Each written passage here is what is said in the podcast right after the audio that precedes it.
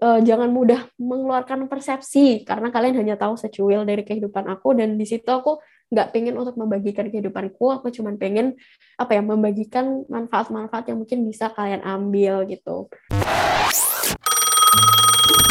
Hey! Hello are you there?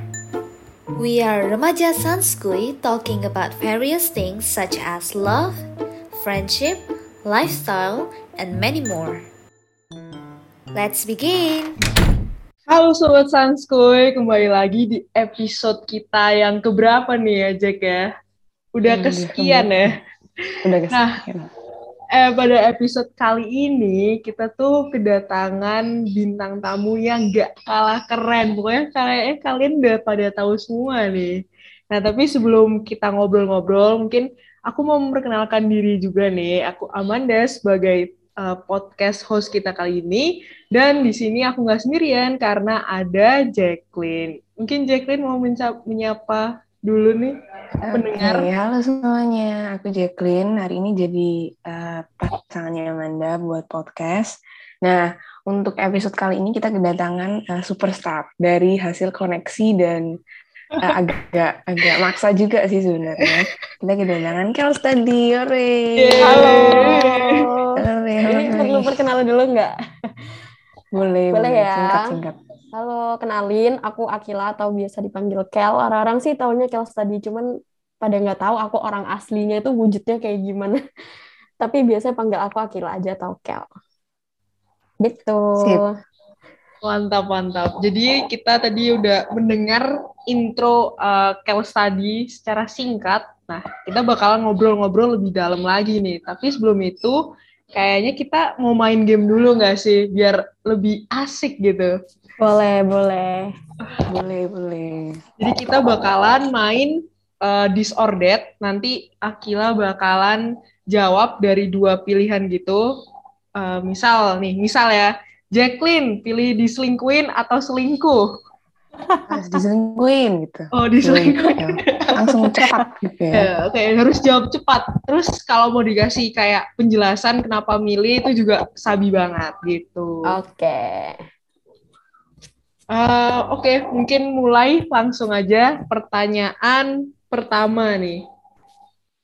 Uh, Instagram atau TikTok? Instagram. Oke, oke. Oke, lanjut. Nggak, nggak pakai penjelasan ya, kayak langsung ini? Uh, langsung aja sih. Oke. Okay. Bau badan atau bau mulut? Mending bau badan. Oke, yang ketiga, mie goreng atau mie kuah? Mie kuah. Ih, cepet banget jadi.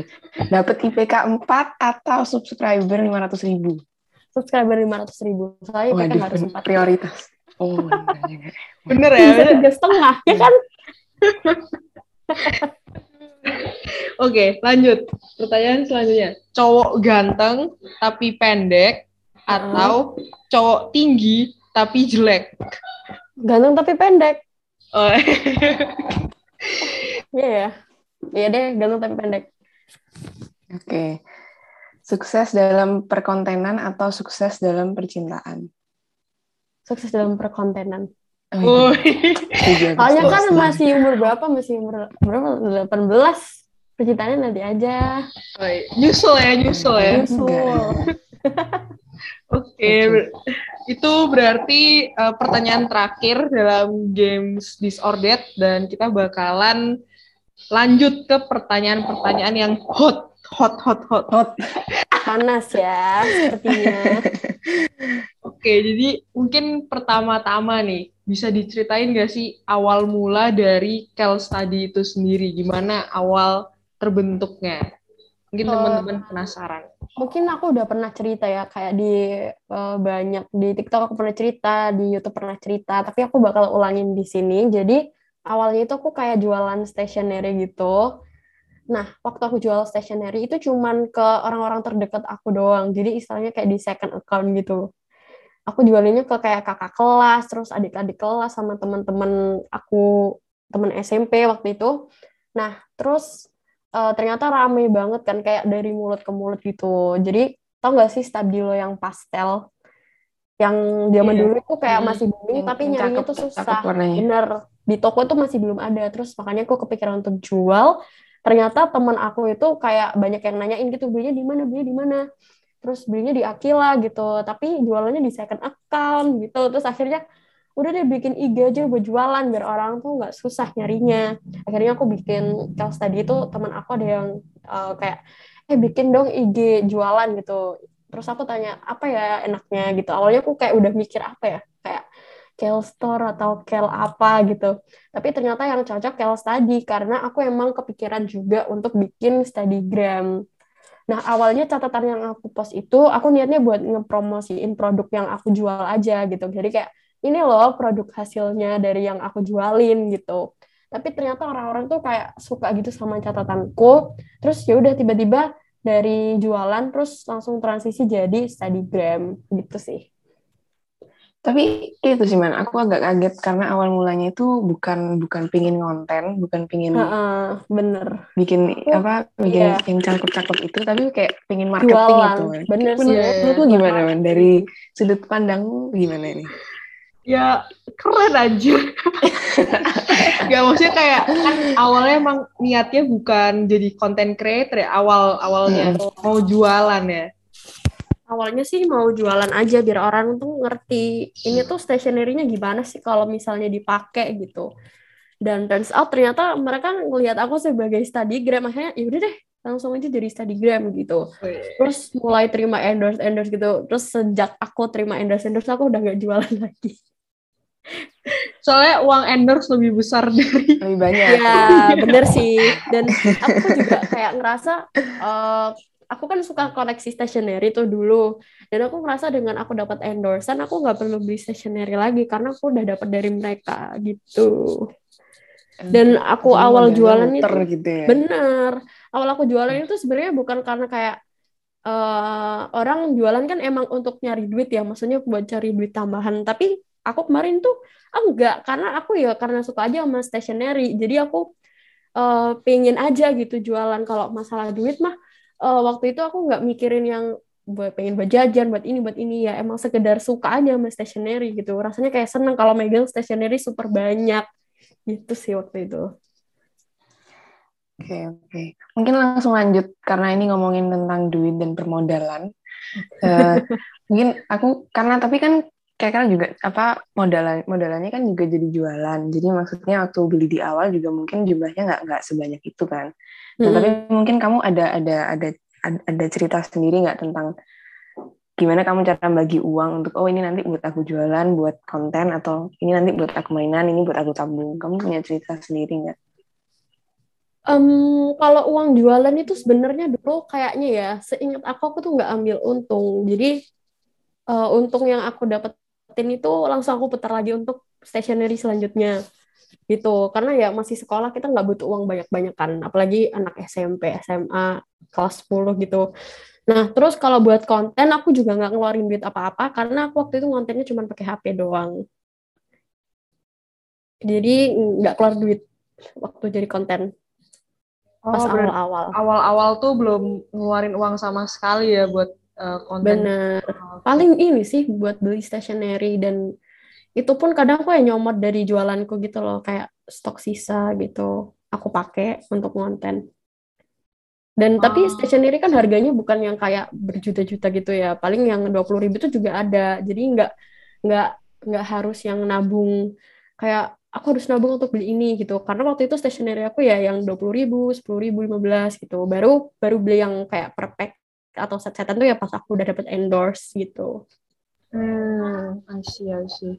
Berarti ini kan eh, tadi kan waktu awal mula jadi content creator itu waktu masih SMP apa SMA nih?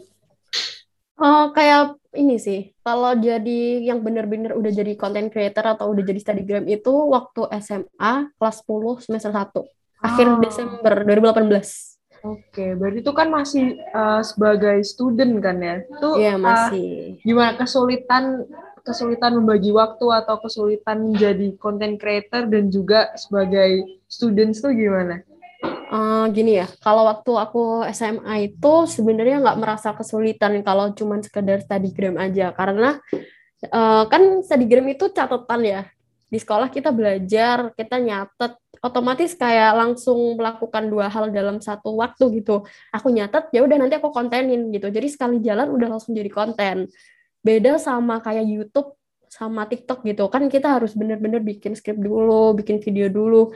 Nah itu emang agak sulit. Kalau dulu waktu aku SMA, aku bikin YouTube itu seminggu sekali. Jadi waktu Senin sampai Jumat, kalau misalnya video daily, itu aku bikin videonya uh, di hari itu misalnya kayak ada in my life edisi sekolah gitu kan ya udah sekalian aja bikin video nanti ngeditnya baru hari Sabtu sama Minggu gitu tapi kalau buat catatan dulu aku nggak keberatan sih karena ya udah udah ada udah ada catatan dari sekolah langsung tinggal di post aja begitu hmm, kalau kalau sekarang waktu kuliah ada ada kesulitan nggak Kel?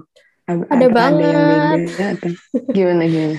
Um, kalau kalau zaman dulu kan belum ada TikTok ya, maksudnya belum booming lah istilahnya buat kayak konten gitu orang kalau TikTok dulu pakai baju joget tapi sekarang kan TikTok lebih luas. Nah dulu tuh yang berat cuman YouTube doang sih kayak seminggu sekali oke okay lah dan SMA kan mungkin pelajarannya nggak seberat waktu kuliah gitu loh kayak tekanannya.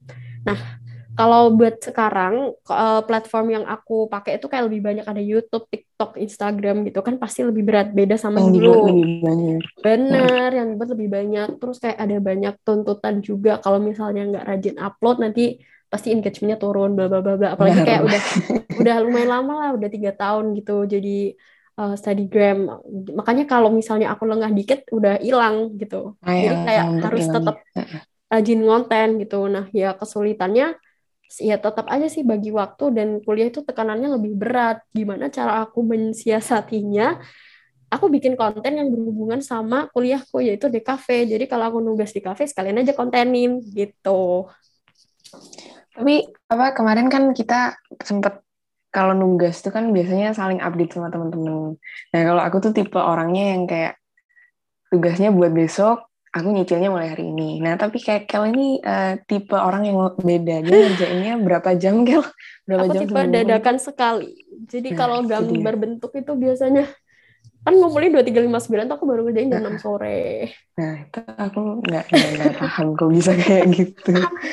deadliner ya. sore udah oke, okay, mari kita kumpulkan. Udah udah. udah Iya aku gitu. sangat deadliner. Maksudnya bukan tipe yang kayak harus nyicil dari hari sebelumnya karena kayak nggak ada apa yang nggak ada semangat gitu. Tapi kayak semester dua ini aku pengen berubah aku pengen oke. Okay. tahu ya nanti. Tapi aku nggak pengen jadi deadlineer lagi Kita karena nanti. pengen kehidupannya lebih seimbang. Soalnya aku tuh beberapa kali terlambat dan dikurangi 10 ya sayang banget. Oke ya, oke. gitulah.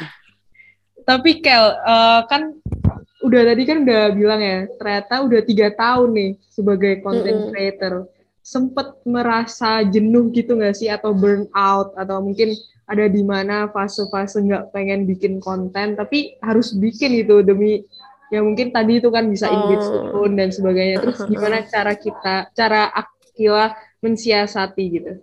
Sebenarnya yang uh, yang satu faktor yang paling bikin aku terus maju gitu ya adalah kerjasama dari brand jadi kalau misalnya aku nggak ada kerjasama kan aku kayak nggak ada kewajiban untuk ngepost apa-apa kan. Sedangkan kalau misalnya aku ada eh, kerjasama atau endorsement, ya mau nggak mau aku harus tetap ngepost dong. Kalau misalnya aku nggak ngepost, pasti nanti eh, nggak uh, enak sama mereka juga. Jadi yang bikin paling bikin konten aku tetap berjalan ya itu kerjasama dari brand. Jadi kayak punya tuntutan gitu untuk tetap ngupload gitu sih. Oh lanjut, mungkin sama kayak uh, kamu kan udah udah bisa udah bisa collab sama brand-brand lain. Itu kamu ada gimana cara kamu nentuin aku mau collab sama ini uh, yang ini nggak dulu yang ini aku mau? Cara kamu milih-milihnya gimana? Oh. itu kan soalnya kamu jadiin konten juga kan? Bener. Kalau aku sih lihat barengnya ya. Gini menurut aku kalau content creator tuh kayak ada masa-masanya gitu loh. Waktu aku awal-awal jadi studygram itu semua endorse aku terima. Mau suka mau nggak suka pokoknya aku tuh nggak enak gitu kalau mau nolak. Nah terus uh, udah hampir beberapa bulan belakangan ini aku tuh punya teman teman kuliah eh teman sekolah aku itu dia gap year terus aku tawarin mau nggak jadi admin gitu.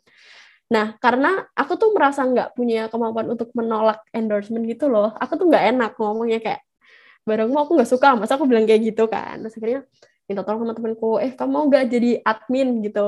Nanti minta tolong ya kalau misalnya aku nggak suka kamu tolak apa kamu bilang gimana biar mereka itu nggak nggak jadi nggak enak gitu loh kalau aku nolak bareng mereka gitu. Nah makanya sekarang tuh kayak lebih sort aku lebih apa ya sortirin gitu loh. Karena jujur aja ya kalau barang endorse kita nggak suka kamu tuh nggak bakal ada semangat untuk bikin kontennya. Misalnya nih ada yang endorse apa ya brush pen gitu tapi brush pennya kayak agak kurang sip gitu mau review aja udah juga. mager terus masa kita harus bohong sih sama audiens kayak ini pennya bagus banget padahal mah makanya harus pinter-pinter milih sekarang dengan itu aku eh, minta tolong admin untuk eh minta tolong ya ini aku agak kurang suka sama barangnya atau sekarang tuh aku menghindari kayak stationery yang pritil-pritil apa sih kayak Maksudnya gimana pritil-pritil? bahasanya kok Gampang- pritil-pritil. Gampang copot. Bukan kayak fancy stationery gitu loh yang kayak bergambar warna-warni karena jujur aku kurang Oh, suka aku tuh suka yang yang Oke. simple gitu Agak loh. kurang Makanya- fungsional gitu mungkin ya. Bener, bener. Makanya sekarang aku agak hindari sih. Karena kalau kita nggak suka, kita bakal malas bikin kontennya. Jadi caraku adalah eh, minta tolong ke admin. Kalau zaman dulu, ini jangan ditiru ya. Aku tuh kalau misalnya nggak suka, at- eh, brandnya tuh aku ghostingin gitu. Jadi aku tanya produknya apa, terus nggak aku balas sampai bertahun-tahun. Aduh, kasihan banget. Brandnya di ghosting ya guys. Jujur Brandnya susah gitu. Kayak maaf kak, nggak dulu. Kadang tuh nggak enak gitu loh. Mungkin aku pengen lanjutin ke gimana kalau Kekel kalau misalnya dapat barang kan kalau nggak nggak enak nggak srek nggak mau dipromosin juga. Dalam kondisi sekarang sosial media itu jadi punya pengaruh yang sangat besar dan kamu akhirnya konten creator tapi kamu tuh juga jadi satu influencer. Menurutku influencer itu bener-bener emang menginfluence orang gitu. Gimana cara kamu ngatasin tanggung jawab itu ke orang-orang lain? Hmm, kalau dari aku ya, aku tuh pilih bener-bener milih banget mana yang perlu di-share, mana yang nggak perlu di-share. Karena aku tuh sering banget lihat eh, banyak influencer yang apa ya, kalau di sini tuh kayak ada cancel culture. Jadi kalau mereka melakukan kesalahan tuh kayak langsung habis udah gitu. Makanya dari situ aku eh, dari situ aku belajar untuk memilih-milih mana yang harus aku post, mana yang nggak perlu aku post. Dan aku tipe orang yang sangat melindungi privasi diri aku sendiri gitu loh. Jadi nggak mau semua orang tuh tahu tentang kehidupanku. Dan terus karena aku merasa eh, kalau followers kelas tadi itu kebanyakan masih anak sekolah, makanya aku nggak bahas tentang sesuatu yang apa ya, yang sekiranya nggak nggak patut lah untuk dilihat sama anak-anak yang usia sekolah. Jadi biasanya aku cuman bahas tentang daily life atau tentang pendidikan, tentang sekolah. Lingkupnya sih di situ-situ aja. Aku nggak pernah bahas yang kayak kadang berita yang lagi hot, misalnya artis-artis apa gitu, aku hampir nggak pernah sih. Oh, nggak pernah bahas skandal Korea gitu nggak ya? Di story. Enggak. Jadi tetap eh, memilih aja sih yang perlu di-share sama enggak. Karena pengaruhnya besar ke followers-followers kita sendiri gitu. Nah, tapi kan eh, Kekel tadi juga udah ngomong kan kalau ternyata eh, followersnya dari Kaus tadi kebanyakan anak-anak sekolah. Nah, tapi Kekel sendiri Betul. pernah nggak sih kayak kan pasti dari konten yang kita bikin ada yang menerima dengan positif, ada yang negatif gitu. Mm-mm. Selama ini nih tiga tahun menjadi content creator, pernah nggak sih dapet komen-komen yang kurang menyenangkan gitu? Misal kayak di DM, ah kayak ya pokoknya ada hate comment atau gimana gitu. Terus tanggapannya gimana?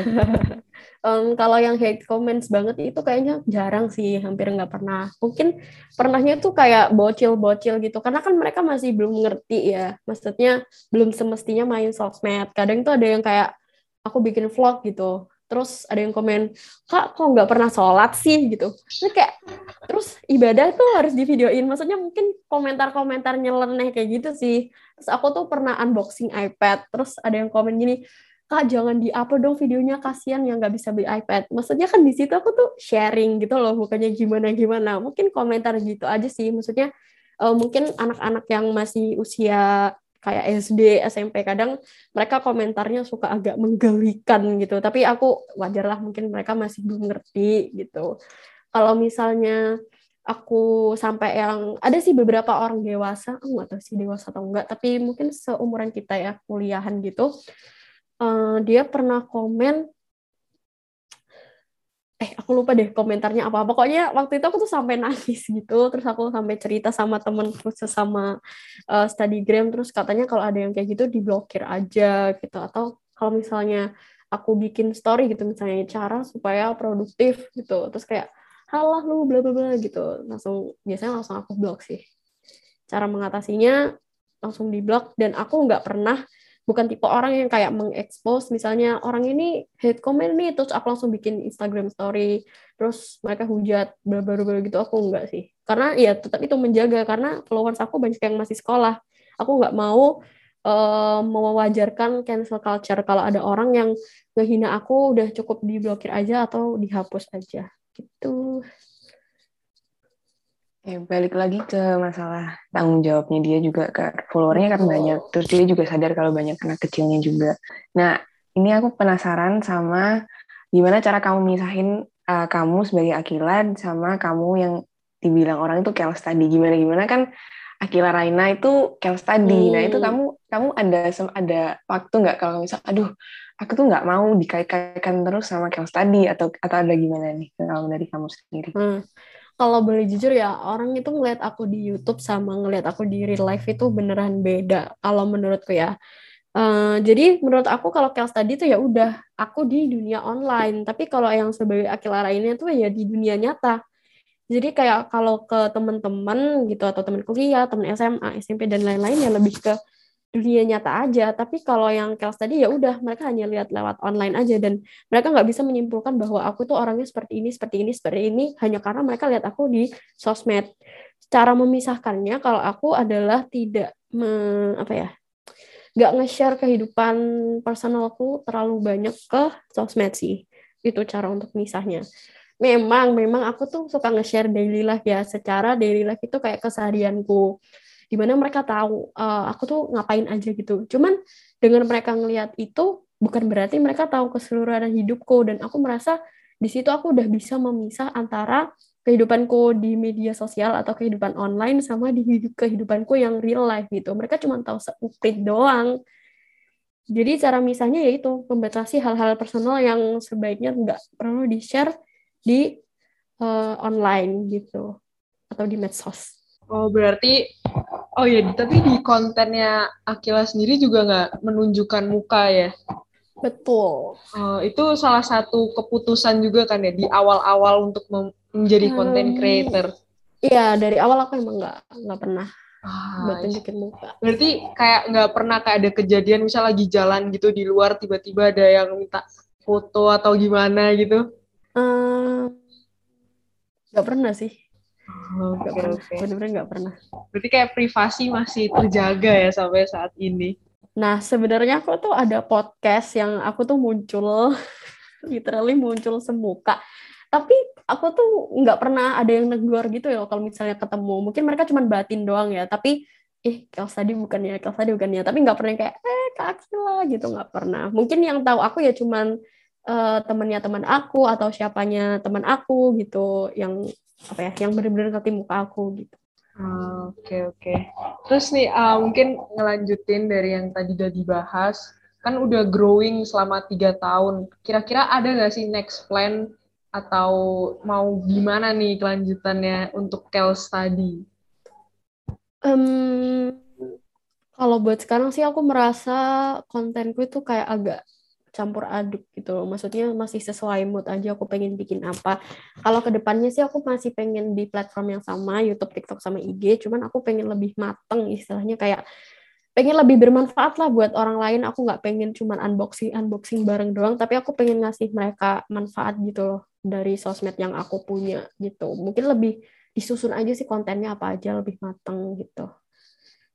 Dan memperbaiki ini kayaknya manajemen. Maksudnya kadang itu kalau ada yang brand yang mau balas chat uh, yang mau ngechat aku kadang aku balasnya lama banget di situ aku pengen ngebenerin juga Oke, okay. itu kalau itu kan tadi uh, ke depannya Kelos tadi gimana? Kalau ini ke depannya Akila mau gimana Akila? Oh iya, benar-benar. Sih. uh, aku sih nggak muluk-muluk ya ke depannya cuma pengen lulus kuliah aja tepat waktu. Kalau karir aku belum mikirin apa-apa sih maksudnya nggak tahu masih dijalanin dulu aja kuliah gimana sambil berjalan kel study dan aku juga nggak bakal tahu kel study ini sampai kapan soalnya kan sosial media itu ada umurnya ya. Maksudnya kita nggak bakal selamanya jadi selebgram atau influencer gitulah istilahnya. Kalau aku untuk ke depannya yang penting kuliah dulu lulus kuliah dulu sambil jalanin eh, sosial media pelan-pelan pokoknya aku nggak bakalan quit maksudnya aku nggak bakal ninggalin uh, gram gitu aku bakal tetap jalan tapi ya slow moving tapi kayak apa ya aku, aku kan juga kayak sering ngeliat studygram studygram lain gitu kan ya Kel. kayak mereka tuh awal-awal emang kayak sering banget upload Bener. aktif tapi setelah beberapa bulan itu udah-udah ditinggal gitu. Terus akunnya Bener. mati. Kan sayang Karena banget ya. uh, aku tuh punya banyak teman-teman studygram yang dulu akrab banget terus sekarang mereka hilang gitu. Bilangnya sih hiatus tapi hiatusnya lama banget. Kayak makanya banyak yang pindah haluan gitu dari studygram ke tentang daily life gitu. Kayak racun barang Shopee. Cuman aku nggak pengen sebatas itu aja. Aku masih pengen ngasih mereka manfaat gitu. Karena sekarang jarang studygram yang masih studygram sedangkan aku sekarang aja juga jarang bikin catatan makanya semester depan aku mau berubah. Aku mau nyatet untuk di share Yoi Jack. Bener sih, emang emang banyak yang kayak akhirnya kayak hiatus tapi nggak balik-balik. Hmm. kayak pacaran break Sampai tapi nggak ada nggak ada kembalinya gitu rasanya. waduh. Tapi waduh. Nah, terus aku pengen ini sih, Kel. Gimana cara kamu kan pasti ada alasannya sendiri kenapa kok pengen break mungkin karena jenuhnya atau karena karena kayak nggak mood lagi atau gimana. Tapi menurutku kamu juga selama beberapa tahun ini kamu pasti ada kayak ada satu titik di mana kamu tuh pengen berhenti atau kayak aduh aku capek atau dan itu gimana caranya kamu ngatasin itu terus kamu bisa tetap bisa tetap jalan sampai sekarang. Hmm, hmm, hmm. Kalau pengen berhenti aku nggak pernah ya, nggak pernah pengen, wih aku udah deh main Instagramnya gitu, nggak bakal ada, maksudnya nggak pernah.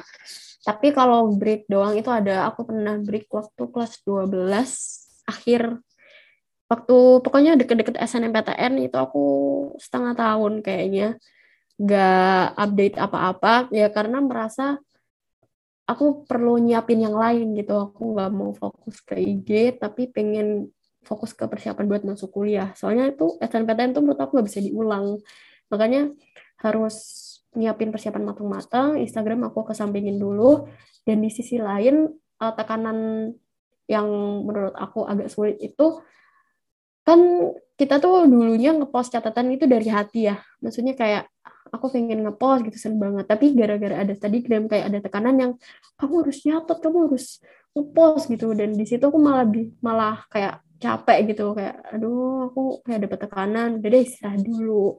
Itu sih waktu itu aku istirahat mungkin kurang lebih enam bulan atau setengah tahun dan iya sih segituan. Terus habisnya aku uh, SNMPTN uh, nyiapin portofolio bla bla bla bla. Waktu habis pengumuman yang diterima itu baru aku aktif lagi gitu sampai sekarang. Hmm. Berarti emang ada masanya waktu itu ya lagi break, terus tapi tetap kembali ya, nggak nggak pergi, nggak ada hilang. banget bener aku nggak pernah ada kepikiran untuk berhenti sih Ah, tapi kalau is- untuk istirahat ada Oke oke. Tapi nih Kel, aku juga penasaran nih kan di kuliah ya berarti kan sekarang udah semester 2 ya. Semester dua Eh, selama kuliah gini kan menjalani Kel study kuliah gitu kan. Terus kayak mungkin ada nggak sih kayak dosen-dosen kamu gitu kayak tahu Kel study gitu ada pernah cerita gitu gak? Em, kalau yang ngomong langsung kayak eh kamu kayak study ya? Gitu nggak ada sih. Tapi kalau misalnya kakak tingkat atau teman pasti ada pasti ada. Hmm, hmm. tapi kayak aku tegesin lagi aku aku di dunia nyata itu beda gitu loh. Jadi nggak bisa disamain. Dan waktu itu kan pernah eh, kalau di kampus aku itu kita kayak harus ngumpulin scam gitu kayak credit point. Nah di credit point itu aku tuh kayak ngelampirin sertifikat. Waktu itu aku pernah ngisi webinar di Pahamify terus aku tuh kayak nge-screenshot profile apa sih? Kayak nge-screenshot nama aku gitu loh. Kan di piagamnya tuh namanya Kel Study kan. Terus aku mikir loh berarti ini nanti dosennya ngeliat dong kalau misalnya aku kel study gitu loh. Maksudnya di piagam yang aku upload di scam itu chaos tadi gitu. Lah berarti nanti dosennya ngerti. Cuman uh, sejauh ini nggak pernah ada yang kayak nyenggol gitu. Eh kayak kamu chaos tadi ya chaos tadi gitu nggak pernah sih. Dan kalau misalnya mereka pun tahu nggak apa-apa sih. Tapi uh, ya itu aku aku di dunia nyata sama di dunia maya tuh beda tapi itu sih kan aku satu satu satu jurusan juga sama Kekel menurutku uh, mungkin karena karena kita kuliah di kafe juga ya menurutku dosen-dosennya hmm. juga juga sangat suportif kok kalau kamu misal kamu ingin punya karya di luar kuliah jadi misal kan kita Betul. suka gambar. Jadi banyak yang emang anak-anak udah udah dapet job-job sampingan kan udah banyak kan. Itu pasti pasti dosennya juga dosennya juga sempat ngomong kok kalau misal kalian nggak apa-apa mau mau dapet kerjaan juga kalian pasti dapat uang tambahan tapi jangan lupa kuliahnya dikerjain. Jadi mereka sangat-sangat kayak suportif untuk kamu bikin apa bikin karya lain. Dan aku pengen sempat ini sih ngangkat tentang uh, eh, ITS itu punya yang namanya uh, dia golden ticket kalau misal kamu content creator. Aku aku mau oh, aku mau oh, iya, iya. Ya, jalur itu ya, nah, ya, aku tahu itu. Jalur iya kan, itu lumayan lumayan lumayan jadi hot news juga. Terus kemarin sempat diupload di Line Today udah pernah, terus kemarin di USS Fit di Instagram itu lumayan ramai. Terus aku langsung, hmm. oke, okay, mari kita baca komentarnya.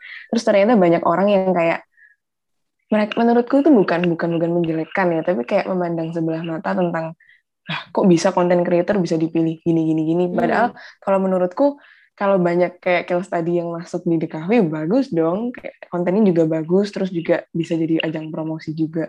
Nah itu Betul. menurut kalian gimana itu? Dengan konten creator yang dianggap sebelah mata. Uh, sebelumnya aku mau tambahin dulu ya yang Jacqueline tadi yang tentang kalau dosen-dosen DKV itu mendukung banget. Kayak uh, misalnya ada Kels tadi Kels tadi yang lain uh, sebenarnya kayak content creator di DKV itu nggak cuman aku doang. Maksudnya banyak teman-teman lain yang udah open commission yang udah kayak terkenal banget atau mereka yang udah jadi lettering artist bla bla bla itu banyak gitu. Jadi aku rasa uh, kalau misalnya ada content creator tuh uh, benar dosen-dosen di DKV itu pasti supportive banget. Dan tentang apa yang golden ticket itu kalau aku baca-baca itu kan lewat SNMPTN ya. Maksudnya bukan eh aku punya subscriber 100 ribu nih, pasti aku diterima di Despro gitu misalnya. Nggak gitu sistemnya, karena jujur aja waktu aku masuk DKV ITS, aku juga ngelampirin kayak sertifikat YouTube Play Button yang silver. Nah, mungkin itu bisa jadi pertimbangan juga karena kalau golden ticket itu nggak mungkin 100 ribu terus langsung eh kamu masuk ya gitu keterima ya pasti ada banyak hal lain yang dipertimbangkan. Karena itu masuknya lewat SNMPTN kan. Di SNMPTN kita bisa ngelampirin kayak sertifikat gitu. Nah, nanti pasti dilihat juga nilainya apakah anak ini tuh memadai untuk masuk untuk diterima gitu. Jadi nggak cuma sebatas ngelihat dari prestasinya di dunia maya, tapi juga dilihat dari uh, nilai-nilai maupun prestasi akademiknya gitu. Dan menurut aku untuk jadi content creator itu nggak gampang maksudnya nggak bisa diremehin juga karena kita butuh konsistensi terus kita butuh ide kita butuh effort untuk bikin konten. Jadi uh, kerja keras itu nggak bisa diremehin gitu loh. Kalau misalnya uh, mau masuk kuliah lewat jalur content creator. Makanya uh, aku sebenarnya setuju-setuju aja tapi tetap harus diimbangi sama nilai-nilai yang baik atau prestasi yang baik gitu Ya sih, aku juga setuju sih. Jadi dari Jacqueline, dari Akila juga udah menjelaskan kan kalau golden ticket nggak cuma yang subscriber banyak, tapi juga ada value-nya gitu. Nggak mungkin kayak nilai Betul. 50 misalnya. 50 tiba-tiba masuk gitu kan juga. Ya itu nggak mungkin lah. Kontennya bikin joget TikTok Pak Go itu mungkin agak diseleksi juga ya pasti. Oh benar, pasti semua benar benar benar. Iya. Pasti dilihat profilnya. Gitu Pargo. Iya iya benar benar. Gak mungkin kayak asal gitu yang penting followers banyak langsung itu kan nggak juga ya, nggak mungkin gitu. Nah, benar. Kan nggak semua orang tahu kayak kualifikasi dari SNMPTN yeah, itu apa gitu mereka hanya berdasarkan apa aja iya sih, langsung komentar padahal pasti banyak pertimbangan di situ gitu Iya benar-benar SNMPTN jalur goib deh. Oke oke. Mungkin uh, aku juga pengen nanya sih pelajaran nih atau kayak uh, insight-insight yang udah didapat selama menjadi content creator tuh apa aja, Mikel? Yang bisa dibagikan ke teman-teman pendengar mungkin kayak harus konsisten atau persis persistensi gitu kayak hmm. apa nih gitu yang paling dapat di aku itu adalah cara bagi waktu kali ya. Maksudnya aku jadi tahu kapan aku harus belajar jadi tahu kapan aku harus konten. Yang kedua uh, aku sedikit uh, tahu gimana dunia kerja gitu. Maksudnya kan kita di sini tuh berhubungan sama orang ya sama brand-brand sama orang dewasa. Kita jadi tahu gimana ngomong profesional. Kita tahu gimana caranya kontak orang kita harus tahu gimana caranya merespon orang bikin invoice bla bla bla terus yang ketiga cara ngatur duit. Karena eh, nggak uh, dipungkiri content creator kan dapat uang dari endorsement dan iklan ya. Mau nggak mau kita yang masih sekolah itu harus belajar gimana caranya biar uang itu nggak nggak kebuang sia-sia. Jadi harus belajar ngitung uang. Terus yang keempat itu sih menurut aku tiga aja sih. Belajar bagi waktu terus kita bisa sedikit terjun di dunia profesional yang ketiga bisa bagi uang. Tapi yang keempat ada mungkin kayak ini ya nambah nambahin skill kayak public speaking gitu. Karena kan kadang ngisi kayak webinar ngisi hmm, zoom zoom gitu gitu sih. Oke. Okay. ada satu lagi yang kelupaan Gel apa? Mungkin kemarin kemarin itu aku sempat lihat sama anak-anak yang lain juga dengan hasil kerja keras kekel bisa beli mobil sendiri. Itu menurutku kayak achievement luar biasa sih. Luar biasa. Cuma dan Nanti, responku pertama untuk itu tuh aku kayak langsung ngebayangin seberapa banyak kerja keras yang harus dilumpahin biar bisa dapet uang sebanyak itu. Aku nggak yeah, itu yeah. menurutku perjalanan panjangnya pasti ada ceritanya itu di baliknya. Um, sebelumnya aku mau bilang makasih dulu ya buat teman-teman semuanya yeah, yeah, kayak yeah. Sama-sama. tadi uh, teman-temanku juga yang udah support. Karena kayak kalau nggak ada kalian ini nggak bakal terjadi juga gitu. Karena kan mau gimana gimana teman-temanku yang kasih support juga. Terus viewers viewers aku. Secara mereka meluangkan waktu untuk melihat iklan yang ada di videoku dan uangnya masuknya ke aku. Jadi balik lagi aku nggak pengen mereka buang-buang waktu melihat videoku dan jangan sampai nggak dapat manfaat gitu dari video yang aku bikin gitu. Nah, buat perjalanannya sendiri sih sebenarnya ya lumayan panjang karena aku udah targetin dari awal tahun 2021 buat punya mobil gitu. Karena kan kuliahnya jauh ya di ITS 18 kilo gitu dan rasanya aku juga nggak untuk tahun pertama ini aku nggak ngekos jadi uh, mamaku kayak uh, inilah naik mobil lah gitu tapi orang tua aku itu bukan tipikal orang tua yang beliin anaknya mobil karena aku empat bersaudara dan mereka tuh pengen adil gitu sama anak-anaknya. Jadi kayak misalnya aku dibeliin mobil nih berarti adikku yang tiga harus dibeliin mobil terus berarti harus beliin empat empatnya kan kayak nggak mungkin gitu kan. Makanya aku di situ kayak oke okay, aku bakal nabung buat beli mobil. Dan sebenarnya target aku 2022 sih tapi alhamdulillah di akhir 2021 udah dikasih rezeki untuk beli gitu Cakep. Cakep banget itu. Kalau mungkin aku jadi adiknya Akila agak terbebani ya mungkin. udah bisa minum sendiri, udah bisa. Aduh. Tapi adikku masih kecil-kecil kok mereka agak ngerti. Masih kecil-kecil juga. Kekel, kekel bukan beban keluarga. oh, bukan, bukan beban hashtag bukan beban keluarga. Iya, bukan, bukan. Tapi kayak kekel juga suka itu nggak sih suka ngurusin adiknya, biasanya nganterin ke sekolah, Benar. ada sosok keibuannya juga nggak sih? uh, itu jadi adik kamu kecil, gimana? Uh, adikku yang paling kecil tuh masih TK dan aku nggak punya mbak yang full time gitu loh di rumah. Jadi mbaknya tuh kayak datang pagi nanti siang pulang. Jadi kayak bersih bersih terus pulang. Bukan yang kayak bukan kayak neni yang harus jagain adikku full gitu. Enggak makanya di situ kayak aku harus menggantikan peran mamaku. Karena mama papaku kan kerja kerja di kantor. Makanya berhubung kemarin masih semuanya online aku yang ngantar adikku aku jemput. Dan kalau misalnya aku pergi sama teman-temanku karena dia nggak ada yang jaga ya dia apa aja. Bisa ikut dia aja. Uh, uh. benar tuh masih kecil masih TK makanya abis ini kan kuliah offline ya. Itu agak bingung tuh yang kecil gimana? Masa ikut ke kampus Oke, mungkin sebelum kita kita akhiri, uh, kayaknya punya nggak rekomendasi film atau series atau buku nih yang lagi dilihat atau dibaca? Um, kalau aku tuh bukan tipe anak yang suka nonton film ya. Maksudnya aku tapi lebih suka nonton web series dan aku nggak terlalu suka film yang bener-bener kayak berat gitu loh. Aku pengennya nonton film tuh refreshing bukan biar mikir. Jadi kalau web series yang aku paling suka sekarang itu ada End with an E. Itu ada tiga season.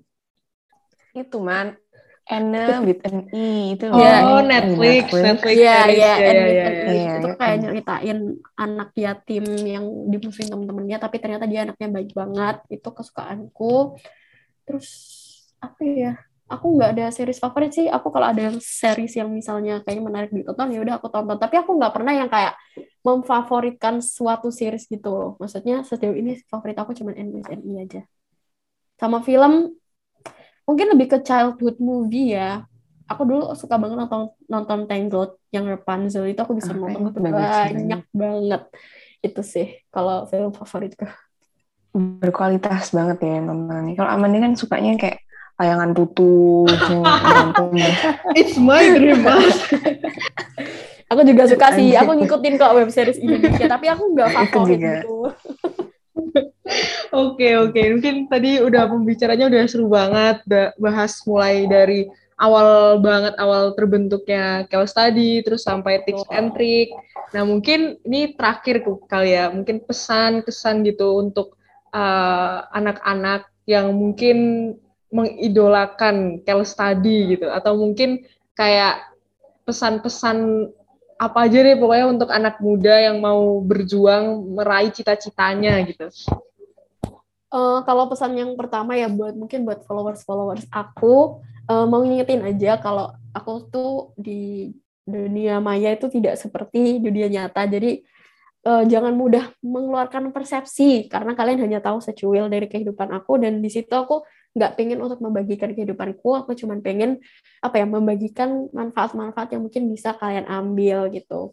Terus pesan-pesanku mungkin buat studygram yang lain kali ya atau kayak pengen jadi content creator uh, jadilah uh, uh, apa ya influencer mungkin yang bermanfaat gitu.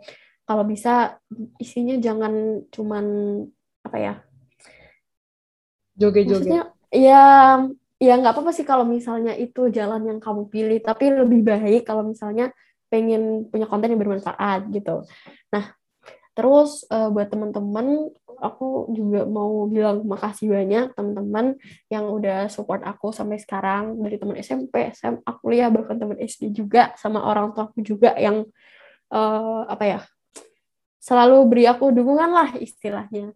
Oh satu lagi satu lagi kalau kalian pengen jadi uh, content creator atau influencer harus konsisten jangan rajin dua bulan doang terus ngilang karena kayak sedih banget aku banyak kehilangan teman-teman studygram selama aku jadi studygram kurang lebih tiga tahun jalan ke empat tahun ini gitu aja sih. Okay. Sore. Oke, okay. Jack penutup. eh, aku mau gini gini eh aku dulu aku dulu uh, mau bilang makasih juga buat uh, Mbak Jacqueline sama Mbak Amanda untuk membawakan podcast yang seru banget hari ini. Aduh. Oke, kita, dari aku dan Amanda juga mau terima kasih banyak sama Kekel yang agak dipaksa juga bahkan dari kemarin waktu kayak awal masuk awal masuk oh, nggak kenal sama sama Kekel terus ayo bikin podcast terus akhirnya baru ayo. sekarang. Betul. Ya, untungnya kalian juga baik banget sih orangnya ya ampun. Oke, okay, jadi mungkin uh, sekian dulu untuk episode kali ini. Uh, terima kasih banyak yang udah ngedengerin kita. Uh, semoga di episode-episode berikutnya juga makin-makin keren. Aman ya? Ada lagi? Amin. Ya, semoga Amin. apa yang kita bicarakan di episode ini bisa diambil gitu ya, yang baik-baik ya, tips and trick-nya gitu. Terus jangan lupa follow uh, remaja Sanskoy dan Masih. follow Kel Study udah pasti lah ya jangan lupa. Follow Kel Study gitu. Oke okay, oke. okay. juga jangan lupa. Terus aku juga minta maaf kalau misalnya ada kalimatku yang agak bulat yang ngomongnya kepanjangan atau ada kalimat-kalimat yang mungkin salah kata gitu. Mohon maaf. Yang penting semoga kalian bisa ambil manfaatnya dari podcast kita hari ini. Amin, amin. oke okay, teman-teman sobat Sanskoy uh, episode kita kali ini di sampai eh sampai sini aja. Bertemu lagi di episode episode selanjutnya. Selanjutnya. Bye bye. Terus. Thank you.